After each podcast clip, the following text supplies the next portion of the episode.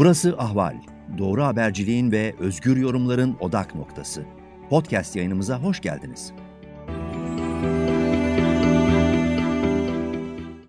Merhaba Ahval izleyicileri. Ufuk turundayız. Ben Dicle Baştürk. Türkiye'nin İsveç ve Finlandiya'nın NATO üyeliklerine sıcak bakmıyoruz diyerek başlattığı tartışmalar devam ediyor.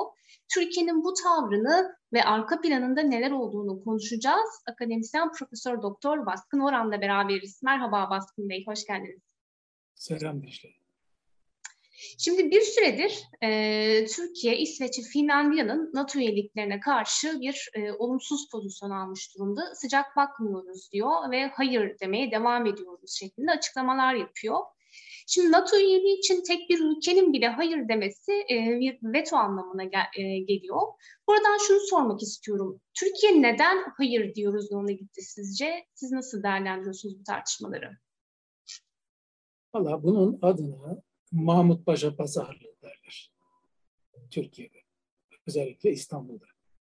Ee, hiç yorulmasınlar diye kesip atıyor e, partili Cumhurbaşkanı. Fiili Dışişleri Bakanı İbrahim Kalın da kapıyı kapatmıyoruz. Ama temelde bu konuyu Türkiye'nin ulusal güvenlik meselesi olarak gündeme getiriyoruz deyip pazarlığa oturuyor. Pazarlık meselesi. Hı hı. Peki başka hiç başka hiçbir şey değil. Hı hı. Peki Türkiye neyin pazarlığını yapıyor? Kimle neyin pazarlığını yapıyor bu durumda? Şimdi e, Batılılar e, tabii ki e, kendilerine en yakın olan konuları dile getiriyorlar. Mesela Lüksemburg Dışişleri Bakanı diyor ki e, Türkiye'de diyor pazarların nasıl işlediğini biliyoruz. E, Erdoğan pazar e, zihniyetine sahip. Fiyatı yükseltmek için e, bu şeyi vetodan bahsediyor. E, bu daha çok diyor e, F-16'ları almaya bağlı diyor. Şimdi e, Lüksemburg e, ufak bir ülke. E, bu Batılılara daha fazla görünür olan dile getiriyor. E yani F-16 pazarlığını. Oysa, oysa esas olay başka. Başka bir pazar. Gene bir pazarlık var ama başka bir pazarlık var. Neyin pazarlığı? Seçimler yaklaşıyor. Kürt heyulasını, Kürt korkusunu kullanarak, tehdidini kullanarak Türkiye yani Recep Tayyip Erdoğan rejimi kamuoyunu, Türk kamuoyunu etkilemek amacıyla Kürtlere sınır ötesi saldırılara devam etmek için Suriye'de ve Irak'ta batıdan taviz koparmaya çalışıyor. Bunun pazarlığını yapıyor. Şimdi bunun pazarlığını yapan Türkiye'yi bir şöyle e, 1950'lere gidip bir bakalım neymiş o Türkiye. Şimdi bir kere Osmanlı dönemi dahil bütün tarihi boyunca Türkiye Rusya'yı tarihten kaçınmıştır. Çünkü bir tek Rusya'dan korkar. Sınır ve çok büyük bir ülke. Ve e, hep batıyla bir araya gelmiştir 1718'den sonra bu amaçla. Sonunda 1940'ların sonunda Stalin Rusyası yani o zamanki adıyla Sovyetler Birliği saldırgan bir politikaya girişti. Doğu Avrupa'yı e, kendi hegemonyası altına aldıktan sonra ve e, Türkiye bu e, saldırgan politikaya karşı e, soğuk savaşta bir kural vardı. Ya bu taraftan olacaksın ya bu taraftan olacaksın. Tarafsız olmak diye bir olay yoktu. Onun için e, NATO'ya girdi 52'de. NATO'ya girerken kolay giremedi. Bak bunu söylemek istiyorum. Hı hı. Bugün bugün bilinmesi gereken bir şey bu. Kimse bundan bahsetmiyor. Girerken e, Norveç ve Danimarka Türkiye'nin e, ve bir de İngiltere. Bunların üçü Türkiye'nin NATO'ya girmesine karşı çıktılar. İngiltere'nin karşı çıkmasının sebebi özeldi. Bir e, Orta Doğu Komutanlığı diye bir şey kurmak istiyordu ve burada e, Türkiye'yi Sovyetler Birliği'ne karşı mızrak ucu olarak kullanmaya çalışıyordu. Onu bir kenara bırakalım. Fakat Danimarka ile Norveç'in itirazlarının sebebi başkaydı ve ikiydi. İki sebebi vardı. Birincisi Bu bir Kuzey Atlantik İttifakı'dır. NATO demek zaten. Kuzey Atlantik İttifakı demek. Biz daha güneye, e, yakın doğuya, Orta Doğu'ya da müdahale etmek zorunda kalıp başımızı belaya sokmak istemiyoruz dediler. İkinci olarak da Türkiye batı değerlerini, demokrasiyi içselleştirmiş bir ülke değildir. Onun için NATO'da yeri yoktur. NATO sadece bir savunma antlaşması değildir. Aynı zamanda bir batılı değerleri e, toplayan bir anlaşmadır denilir. İşte bu e, NATO'ya girmesi için zorluk çıkarılan Türkiye bugün demokrasinin e, mabetleri olan Finlandiya ve İsveç'in NATO'ya girmesine zorluk çıkartıyor. E, neden çıkartıyor? E, işte biraz önce söyledim. E, Sayın Erdoğan e, bu iki ülkenin terör örgütleri için bir nevi misafirhane olduğunu söylüyor. Yani diyor ki Türkiye'den kaçanlar e, canlarını buralara attılar. Bunlar e, makbul insanlar değil. E, Kürtleri ve Fethullahçıları koruyorlar. Olay budur. Pazarlık, pazarlık doğrudan doğruya e, budur. Hı hı. E, İsveç'le ilgili de hatta e, parlamentolarında bile yer alıyorlar dedi. Terör örgütü e, parlamentolarında terör örgütü üyeleri yer alıyor dedi. Ne dersiniz bu açıklamaya? Bu e, bu açıklamalar aynı zamanda bu ülkelerin de iç meselesine, iç siyasetine müdahale anlamı taşıyor mu? Ne dersiniz? Ya ya bu e, e, e sen kendi vatandaşına e, oy verdirtemezsiniz demek bu. Yani vatandaşlık hukukuna e, karışıyor ya o. Bu nasıl olur? Çünkü parlamentolarında yer alıyorlar demek. Onlar İsveç vatandaşı olmuş ve İsveç halkı tarafından seçilerek parlamentoya gelmişler. Buna karışıyor Sayın Cumhurbaşkanı, partili Cumhurbaşkanı. Yahu insaf, biraz insan kendisini tutar, a, a, lafı söyleme, söylemeden önce ağzında bir dolandırır. E, ama lafı ağzında dolandırma konusunda işte balık baştan kokar. E, Sayın Dışişleri Bakanı da e, bir e, İsveç e, Dışişleri Bakanı olan kadına e, bıktık sizin e, feminizminizden dedi, fe, feministliğinizden dedi. Ve bunu bağırarak söyledi. Yahu uluslararası diplomasi piyasasında bağırmak yoktur. Bağıranı fena halde kınarlar. Bağırana bağırarak cevap vermezler ama not alırlar. Ondan sonra ödetirler onun fiyatını. Hocam e, bir de Türkiye'nin İsveç'e elden bir iade listesi sunduğunu biliyoruz. E, bu listede e, 33 33 kişilik. evet evet. Şimdi hem Gülen cemaatine yakın isimler çoğunlukla da e, Kürtlerin olduğunu biliyoruz. E, burada yazar ve yayıncı Ragıp Zarakoğlu'nun ismi e, ortaya çıktı. E, Ragıp Zarakoğlu da bunu doğruladı. Bu iade listesi için ne dersiniz hocam? Ya Zarakoğlu mu Fethullahçı Allah aşkına? Zarakoğlu e, liberal bir solcu. E, Türkiye'de kimsenin basmak istemediği, hem, hem satışı olmayacağı için, az olacağı için hem devletle başını belaya sokacağı için kimsenin basmak istemediği e, kitapları basan bir yayın evinin e, kurucusu. E, bu o, olayda gösteriyor ki tamamen bir intikam meselesidir bu. 33 kişiyi geri isteme. E, bu e, nasıl bunu e, düşünebiliyorlar anlamıyorum. İsveç gibi bir ülke kendisine e, sığınmış olan yahu bak senin kökenin Osmanlı. Osmanlı Demirbaş Charles denilen İsveç kralını Ruslara vermedi. Böyle bir e, e, gelenekten geliyor Türkiye Cumhuriyeti. Demirbaş Charles okudular mı acaba bunlar e, tarihte Demirbaş Charles'ın geri verilmediğini? Osmanlı'nın kendi başını belaya sokma pahasına geri verilmediğini, iadenin reddedildiğini okudular mı acaba? okumaları var mı?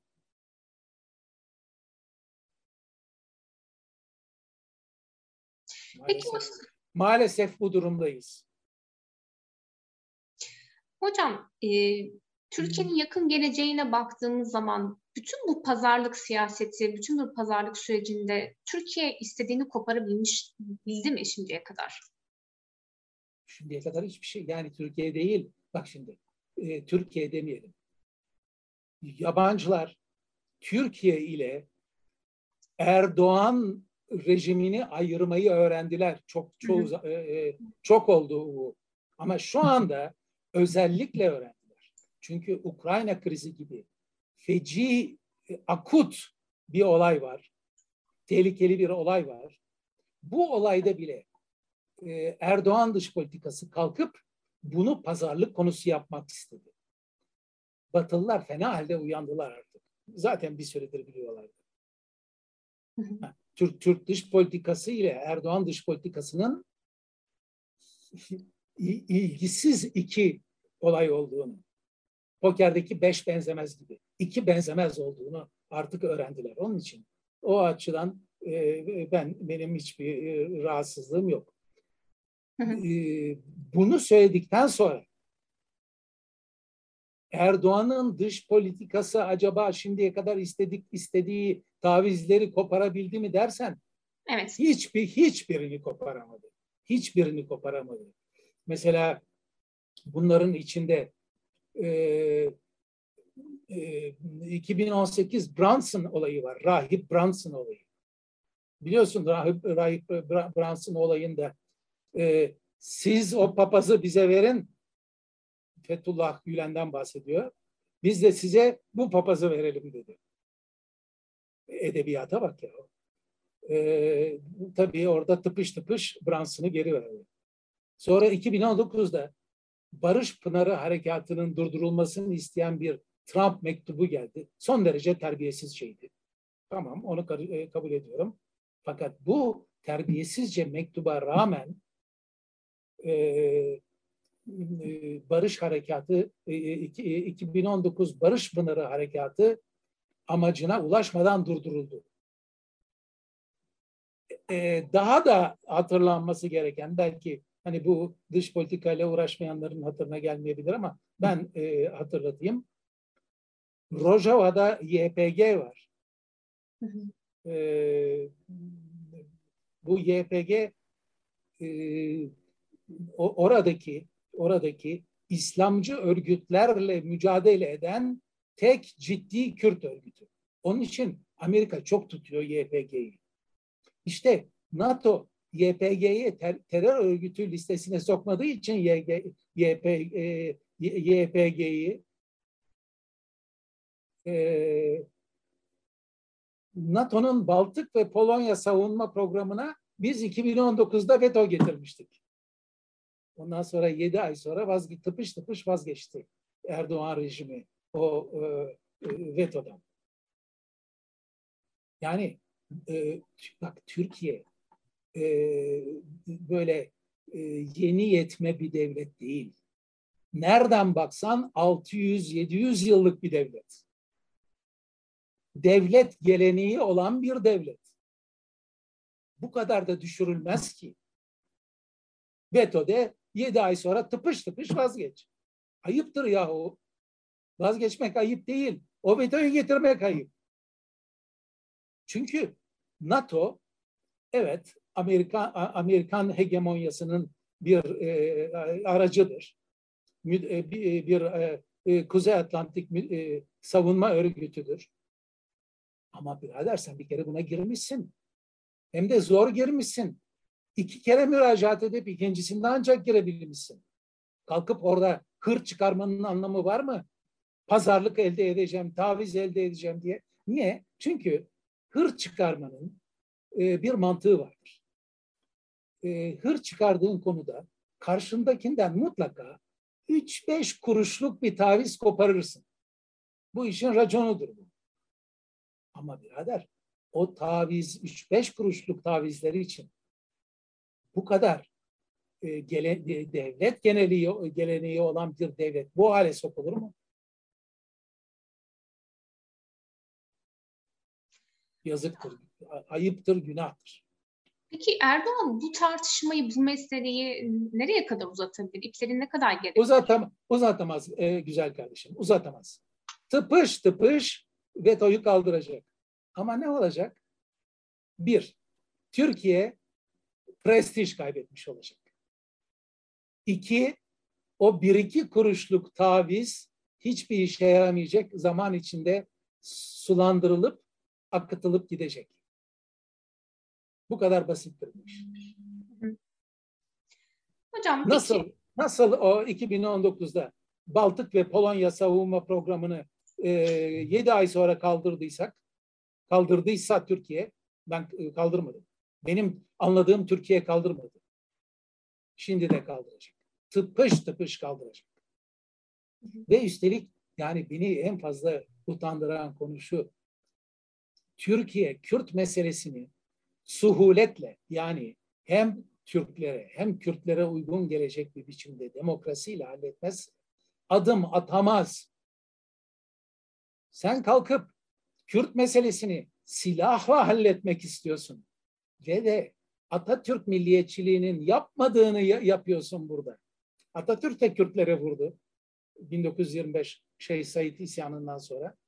Fakat hiçbir zaman e, komşuları komşulara silahlı kuvvet sokmak e, yoluna gitmedi. Ha bak burada e, ufak bir ayrıntı vereyim. E, ben e, uluslararası politik hocası olduğum için e, bir ayrıntıdır. Bu çok önemli bir ayrıntıdır. 1900 bugüne kadar iki tane e, Kürt isyanı yaşandı PKK'dan önce. Biri 1925 Şeyh Said, ikincisi e, Ağrı isyanı 1930.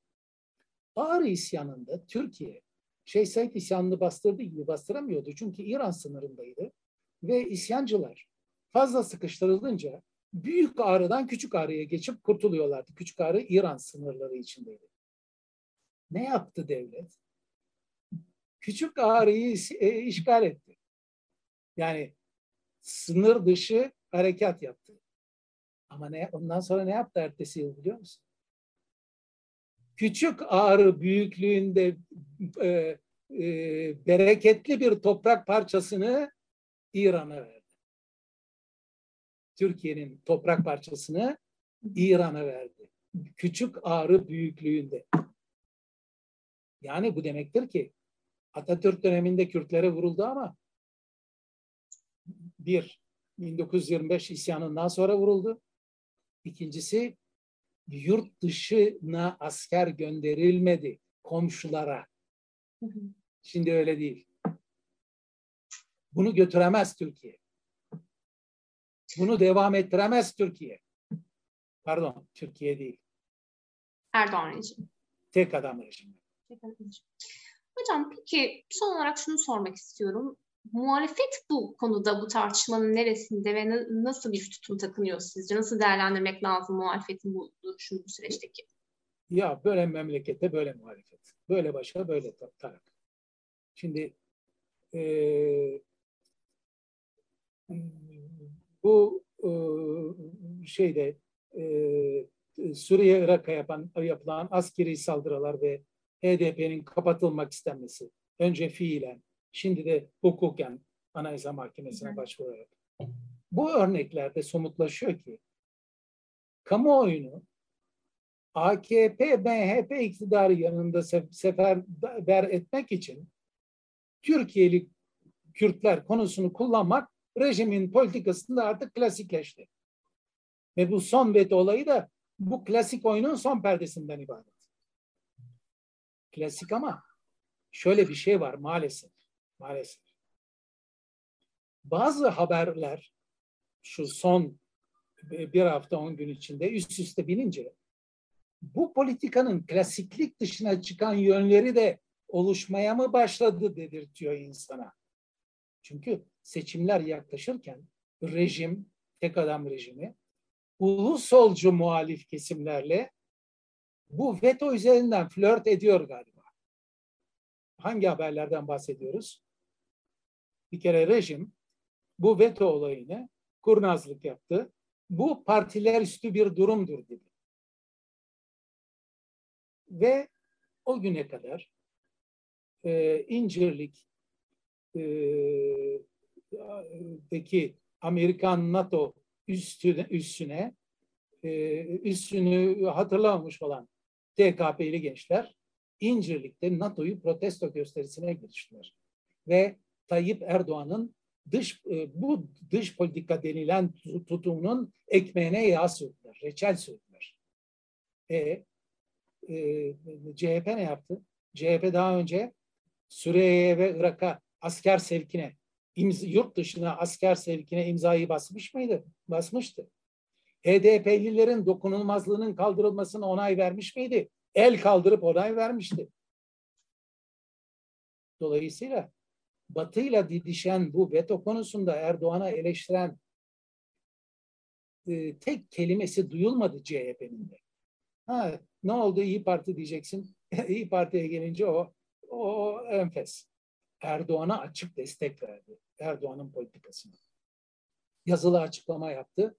Finlandiya ve İsveç'in başvurusu sonrasında Türkiye'nin güvenlik konusunda duyduğu endişelerde haklı olduğunu söyledi. Bak tekrar ediyorum. Böyle başa, böyle tarak, böyle memlekete, böyle muhalefet. Evet. Peki hocam çok teşekkür ediyoruz değerlendirmeleriniz için. Sağ ol. Ben de sana Hoşçakalın. Teşekkürler. Ahval podcastlerini tüm mobil telefonlarda Spotify, SoundCloud ve Spreaker üzerinden dinleyebilirsiniz.